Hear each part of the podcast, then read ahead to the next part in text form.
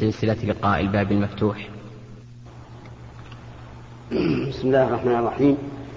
الحمد لله رب العالمين وصلى الله وسلم على نبينا محمد وعلى آله وأصحابه ومن تبعهم بإحسان إلى يوم الدين. أولا أعتذر إليكم فإني تأخرت لأن عندنا ضيفا أتى من الرياض فنرجوكم المعذرة. والآن أنتم بالخيار إن شئتم بدأنا بالأسئلة وإن شئتم جرينا على العادة بتفسير ما تيسر. من كلام الله عز وجل. فما رأيكم لا. أقل من عشر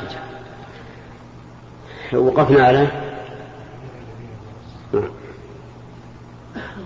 قال الله تبارك وتعالى ألم تر كيف فعل ربك بعاد إرم ذات العماد التي لم يخلق مثلها في البلاد وثمود الذين جابوا الصخر في الواد قال وفرعون ذي الأوتاد.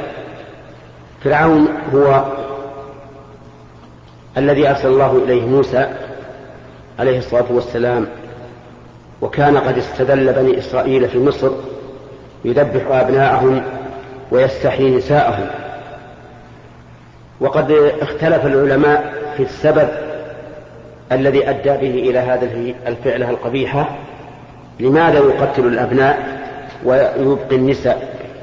فقال بعض العلماء إن كهنته قالوا له إنه سيولد في بني إسرائيل رجل يكون هلاكك على يده.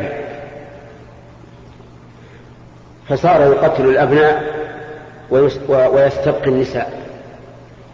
ومن العلماء من قال إنه فعل ذلك من أجل أن يضعف بني إسرائيل لأن الأمة إذا قتلت رجالها واستبقيت نساؤها ذلت بلا شك. فالأول تعليل أهل الأثر والثاني تعليل أهل النظر أهل العقل. ولا يبعد أن يكون الأمران جميعا قد صار علة لهذا لهذا الفعل.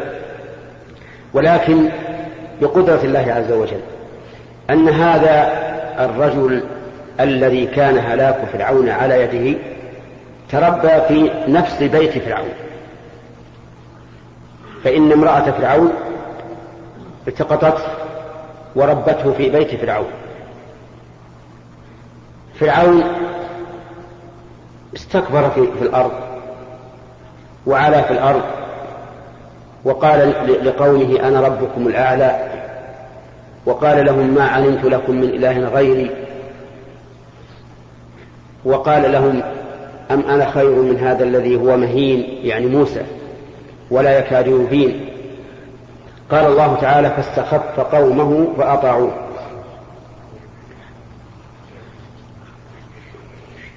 وتعلمون أن أنه قال لقومه مقررا لهم أليس لي ملك مصر وهذه الأنهار تجري من, تحتي؟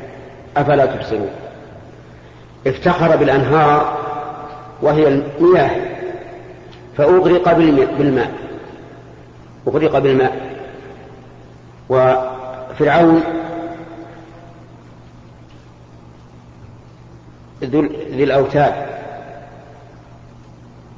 أي ذي القوة. لأن جنوده كانوا له بمنزلة الوتد. والوتد كما نعلم تربط به خياط حبال الخيمة فتستقر وتثبت. فله جنود أمم عظيمة ما بين ساحر وكاهن وغير ذلك لكن الله سبحانه وتعالى فوق كل شيء. قال تعالى الذين طغوا في البلاد الطغيان مجاوزة الحد. ومنه قوله تعالى إنا لما طغى الماء حملناكم في الجارية. أي لما زاد الماء حملناكم في الجارية يعني بذلك السفينة التي صنعها نوح عليه الصلاة والسلام. فمعنى طغوا في البلاد أي زادوا عن حدهم واعتدوا على عباد الله فأكثروا فيها الفساد. الفساد هل هو الفساد الحسي أو المعنوي؟ الجواب هو الفساد المعنوي. والفساد المعنوي يتبعه الفساد الحسي. أنتم معنا؟ الفساد المعنوي يتبعه الفساد الحسي. ودليل ذلك قول الله تبارك وتعالى ولو أن أهل القرى آمنوا واتقوا لفتحنا عليهم بركات من السماء والأرض ولكن كذبوا فأخذناهم بما كانوا يكسبون. ولهذا قال بعض العلماء في قوله تعالى ولا تفسدوا في الأرض بعد إصلاحها قالوا لا تفسدوها بالمعاصي. وعلى هذا فيكون قوله أكثر فيها الفساد أي الفساد المعنوي. لكن الفساد المعنوي يتبعه الفساد الحسي. وكان فيما سبق من الأمم أن الله تعالى يدمر هؤلاء المكذبين عن آخرهم. لكن هذه الأمة رفع الله عنها هذا النوع من العقوبة وجعل عقوبتها أن يكون بأسهم بينهم. هم فيما بينهم يدمر بعضهم بعضا. وعلى هذا فما حصل من المسلمين من اقتتال بعضهم بعضا ومن تدمير بعضهم بعضا إنما هو بسبب إيش؟ إنما سببه المعاصي والذنوب يسلط الله بعضهم على بعض ويكون هذا عقوبة من الله سبحانه وتعالى. ولهذا قال فأكثروا فيها الفساد فصب عليهم ربك سوط عذاب. صب عليهم. الصب معروف أنه يكون من فوق. والعذاب الذي أتى هؤلاء من فوق من عند الله عز وجل. وسوط عذاب السوط هو ما العصا الذي يضرب به. ومعلوم أن الضرب بالعصا نوع عذاب. لكن هل هذا السوط الذي صبه الله تعالى على عاد وثمود وفرعون هل هو العصا المعروف الذي نعرف أو أنه عصا عذاب أهلكهم.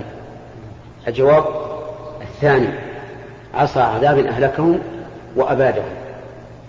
نسأل الله تعالى أن يجعل لنا ولكم فيما سبق من الأمم عبرة نتعظ بها وننتفع بها ونكون ونكون طائعين لله عز وجل غير غير طاغين. إنه على كل شيء قدير. وصلى الله وسلم على نبينا محمد وعلى آله وصحبه أجمعين. والآن إلى الأسئلة. و... هذا صدقت الخير. وش عندك؟ سلامك بس بسلم عليك وبأنجب معكم. جزاك الله خير. الله يحييك. السؤال اللي يصلي لوحده. هل لو يقول سمع الله لمن حمده أو ربنا ولك الحمد حمدا فضيلا طيبا بارك؟ سمع الله لمن حمده يقولها الإمام والمنفرد. وأما المأموم فيقول ربنا ولك الحمد. لا يصلي لوحده كما سنة. إيه فرض. مو منفرد. إلا منفرد. الإمام والمنفرد يقول سمع الله لمن حمده ربنا ولك الحمد. والمأموم يقول ربنا ولك الحمد فقط. سمع الله لمن حمده وبعدين ربنا ولك الحمد. نعم. السلام عليكم ورحمة الله وبركاته. أنا ألسنا قلنا ما في سلام يا محمد. أو نسيت. نعم. في بعض المجالس يا شيخ بارك الله فيك يخوضون في بعض طلاب العلم والعلماء ويبدون يجرحون ويعدلون. فنريد نصيحة لهؤلاء وأن يشتغلون بما ينفعهم. نعم. آه، من المعلوم أن الغيبة من كبائر الذنوب. والغيبة ذكرك أخاك بما يكره. هكذا فسرها النبي صلى الله عليه وعلى آله وسلم. وقد حذر الله عنها في كتابه بأبلغ تحذير فقال جل وعلا ولا يغتب بعضكم بعضا أيحب أحدكم أن يأكل لحم أخيه ميتا فكرهتموه. من الذي يقدم له لحم أخيه ميتا فيأكل لا أحد يأكله كل يكرهه. وهذا تمثيل يستفاد منه غاية التحذير من من الغيبة. وإذا كانت الغيبة في ولاة الأمور من العلماء أو الأمراء كانت أشد وأشد لأن غيبة العلماء يحصل بها انتقاص العلماء وإذا انتقص الناس علماءهم لم ينتفعوا من علمهم بشيء فتضيع الشريعة. إذا لم ينتفع الناس بعلم العلماء فبماذا ينتفعون؟ أبجهل الجهال أم بضلال الضلال ولهذا نعتبر الذي يغتاب العلماء قد جنى على الشريعة أولا ثم على هؤلاء العلماء ثانيا. وجه جناية على الشريعة ما ذكرته أنه يستلزم عدم قبول ما تكلم به هؤلاء العلماء من شريعة الله. لأنهم قد نقص قدرهم وسقطوا من أعين الناس فلا يمكن أن ينتفعوا بعلمه. وأما كونه غيبة للشخص فهذا واضح. أما الأمراء فغيبتهم أيضا أشد من غيبة غيرهم لأنها تتضمن الغيبة الشخصية التي هي من كبار الذنوب وتتضمن التمرد على الأمراء وولاة الأمور لأن الناس إذا كرهوا شخصا لم يستجيبوا لتوجيهاته ولا لأوامره بل يضادونه ويندونه وتأمر مجالسهم بسبه والقدح فيه. فيحصل بهذا شر عظيم لأن قلوب الرعية إذا امتلأت حقدا وبغضا لولاة الأمور انفلت الزمام وحل الخوف بدل الأمان. وهذا شيء مشاهد ومجرب ولهذا نرى أن الواجب على عامة الناس وعلى طلبة العلم بالأخص إذا سمعوا عن عالم ما لا يرونه حقا أن يتثبتوا أولا من صحة نسبته لهذا العالم. كم من أناس نسبوا إلى إلى العلماء ما لم يقولوه. ثم إذا ثبت عنده أنه قاله يجب عليه من باب النصيحة لله عز وجل ولكتابه ولرسوله ولأئمة المسلمين أن يتصل بهذا العالم. يقول بلغني عنك كذا وكذا. هل هذا صحيح؟ فإما أن ينكر وحينئذ نطالب من نقل عنه هذا القول نطالب بالبينة. نقول العالم أنكر ما قال ما قال ما قلت فيه. وإما أن يقر فإذا أقر أبين له وجه نظري. أقول هذا القول الذي قلته غير صحيح. فإما أن يقنعني وإما أن أقنعه. وإما أن يكون لكل منا وجه فيما قال فيكون هو معذورا باجتهاده وأنا معذور باجتهادي وليس لي أن, أن أتكلم في عرضه. لأنني لو استبحت لنفسي أن أتكلم في عرضه لكنت أبحت له أن يتكلم هو أيضا في في عرضي وحينئذ يحصل التنافر. والعداوة والبغضاء. أما الأمراء فهم الأمر الثاني أيضا.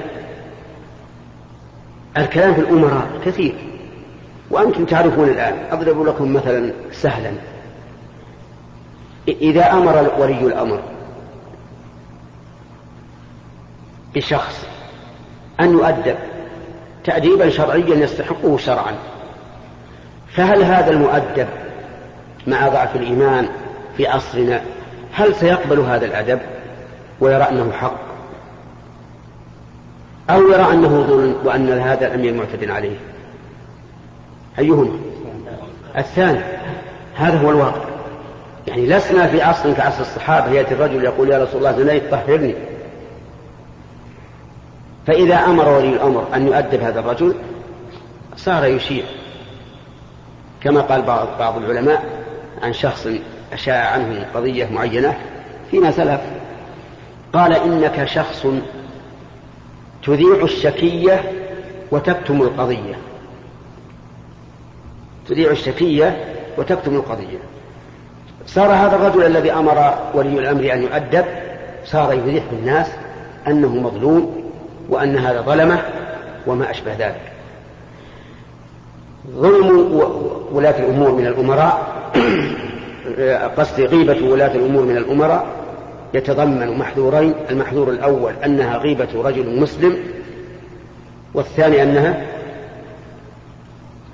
تستلزم إيغار الصدور على الأمراء وولاة أمورهم وكراهتهم وبغضهم وعدم الانصياع لأمرهم وحينئذ ينفلت زمام الأمان.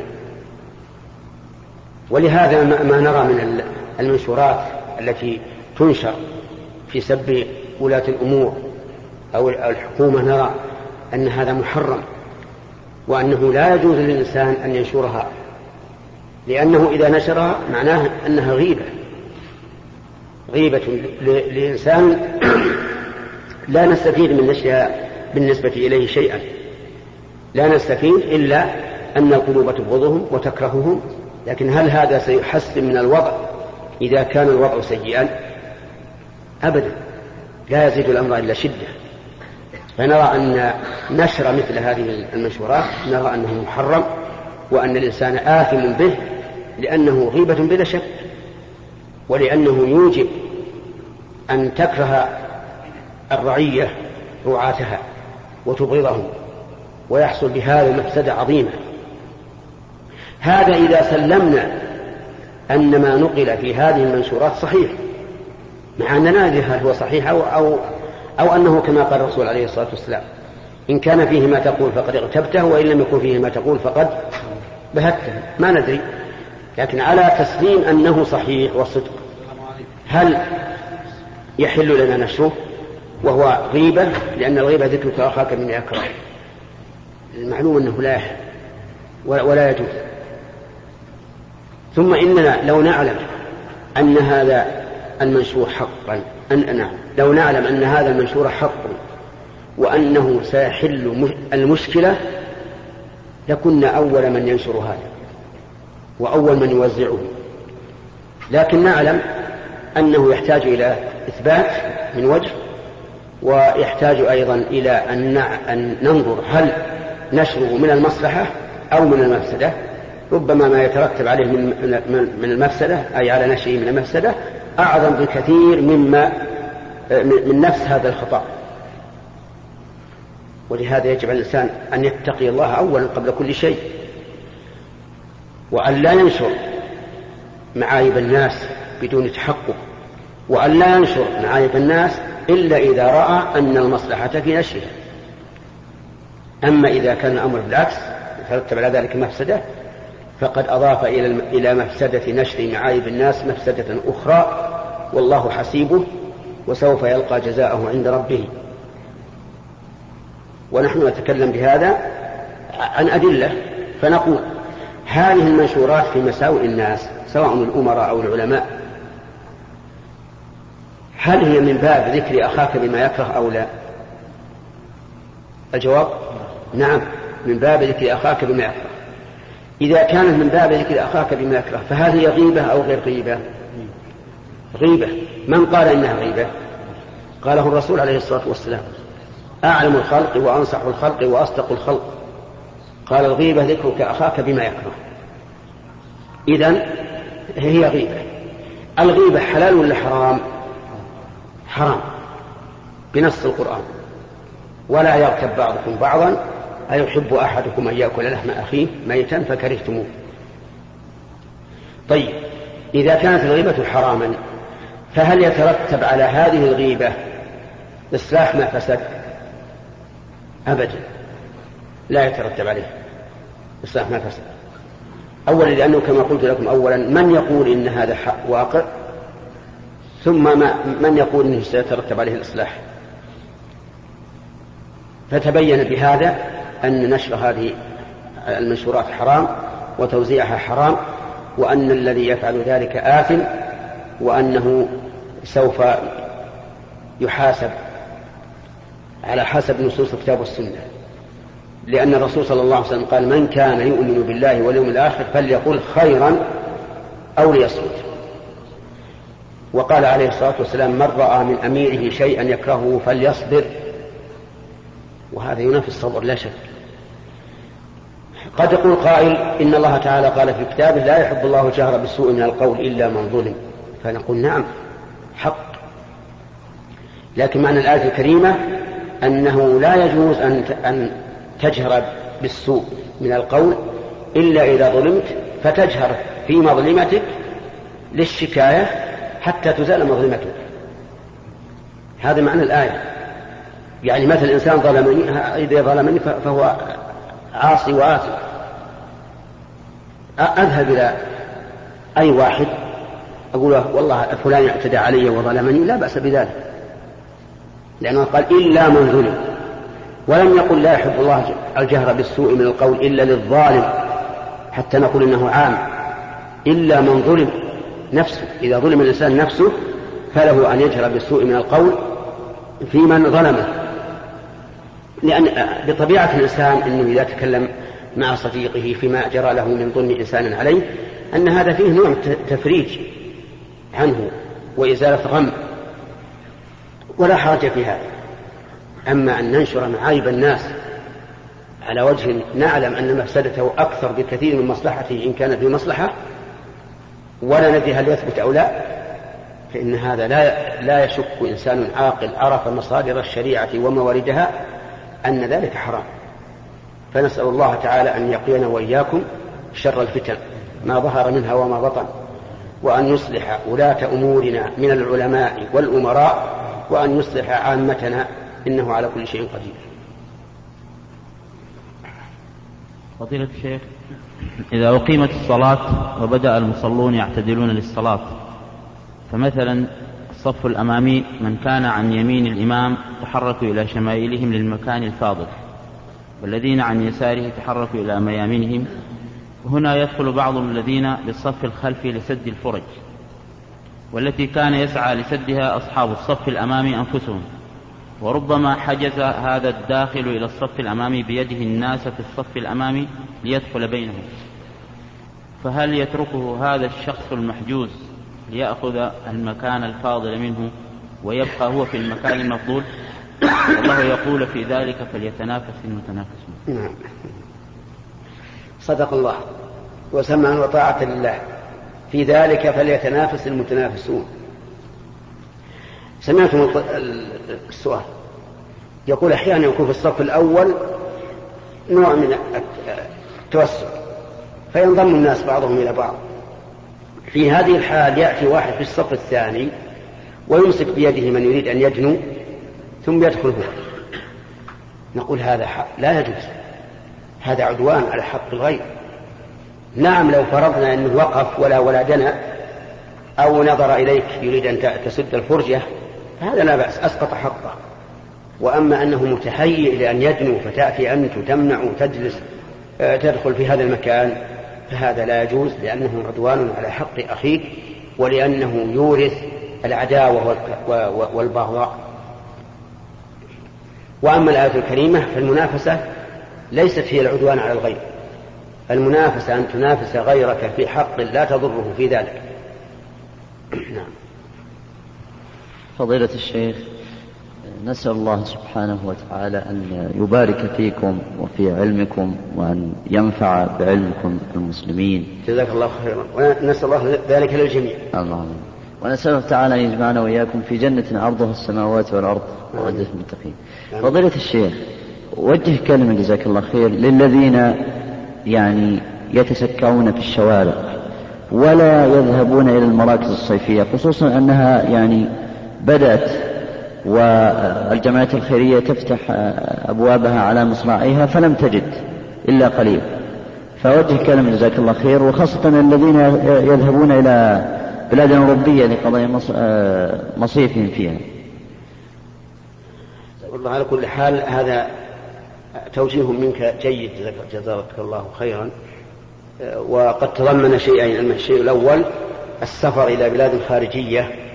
لقضاء هذه الإجازة فيها فنقول إن السفر إلى بلاد كافرة أو بلاد منهمكة في المعاصي نقول إنه لا يجوز لماذا؟ لأمور متعددة الأمر الأول أن فيه إضاعة للمال التذاكر وأجور الفنادق أو أجور الشقق هناك أو غير ذلك. ففيه إضاعة مال إضاعة مال كثير.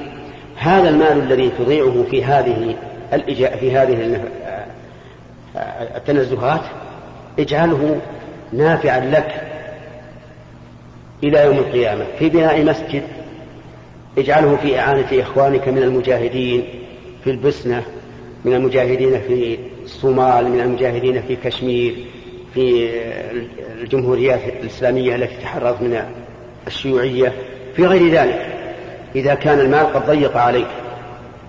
ثانيا أن فيها إضاعة وقت لأن غالب الذين يذهبون لهذه النزهات ليسوا يذهبون إلى الدعوة إلى الخير وإلى تعليم الناس الجاهلين بل إلى الذهاب يمينا وشمالا وربما يذهبون إلى أشياء محرمة لا إشكال في تحريمها فيكون في ذلك إضاعة فيكون في ذلك إضاعة للوقت كما أن فيه إضاعة, إضاعة للمال. ثالثا أنه يخشى على المرء على عقيدته وعلى أخلاقه وعلى عباداته وعلى أهله إن كانوا معه. يخشى عليه في عقيدته أن يقول كيف أنعم الله على هؤلاء؟ بهذا الترف وهذا النعيم وهم كفار وهو مؤمن وقد قدر عليه رزقه. فيشك هل الإيمان خير أو الكفر, أو الكفر خير؟ ولم يعلم المسكين أن هؤلاء عجلت لهم طيباتهم في حياتهم الدنيا. وهو أي هذا الترف بالنسبة لهم جنة لأنهم ينتقلون بعده إلى عذاب وجحيم والعياذ بالله. وهو الفقر بالنسبة إليه إذا كان من المؤمنين هو يعتبر ابتلاء من الله عز وجل يؤجر عليه ويثاب عليه وإنما يوفي الصابرون أجرهم بغير حساب. وأما كونه خطرا على عبادته فإنه قد يصحب أناسا هناك لا يهتمون بالصلاة ولا بالأذكار ولا بالتقرب إلى الله فيكتسب منه. وأما كونه خطرا على أخلاقه فظاهر لأن الناس هناك تجد المرأة متبرجة غاية التبرج وعلى جمال فاضح وربما تكون يكون عندها تكون متطيبة متبرجة فتفتن من لا ينفتن. وأما كونه خطرا على أهله فكذلك أيضا لأن الصغار إذا ارتسم في أفكارهم شيء من الصغر لا يتحول ولو كبروا. فيحصل في هذا أن هؤلاء الصغار يتذكرون دائما هذه الحال الفظيعة التي كان عليها أهل هذه البلدة التي سافر إليها. أما بالنسبة لشبابنا الذين عندنا فإني أحثهم على أن يلتحقوا بواحد من أمور ثلاثة أولا حلق تحفيظ القرآن. فهي والحمد لله متوفرة في المدن الكبيرة والقرى. ثانيا آه، الالتحاق بالمساجد في حلق العلماء الذين يدرسون العلم. كما يوجد الحمد لله منذ سنتين أو نحوها آه، يوجد دورات في المدن دورات يسمونها دورات مكثفة يتكلم فيها علماء موثوقون. ينتفع بهم الشباب. ثالثا المراكز الصيفية. المراكز الصيفية متنوعة. فيها علوم شرعية وعلوم عربية وفيها أيضا آه، فنون مباحة كتعلم نجارة أو كتابة وما أشبه ذلك وهي تكف الإنسان عن ضياع وقته. والقائمون عليها من الذين نعلم أن أن فيهم خيرا من نعلم منهم ومن نجهل فأمره إلى الله. لكن في كل خير إن شاء الله تعالى.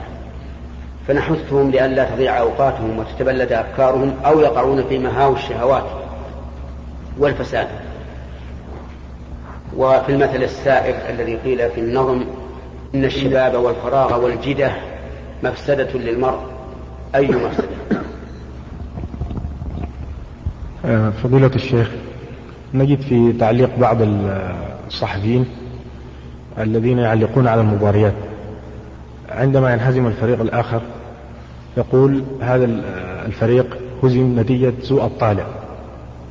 فهذه الكلمة يعني أشكلت علي كثيرا جدا خاصة إذا سمعنا أن الطالع هو المنجم أو أو معنى من فضلك. نعم. قريب له. تقلب هذه يقولها من لا يعرف الشريعة. يقول للشخص إذا نجح هذا من سعود الطالع. وإذا تأخر هذا من سوء الطالع. وهذا من التنجيم الذي هو نوع من الشرك. وذلك لأن الطالع والغارب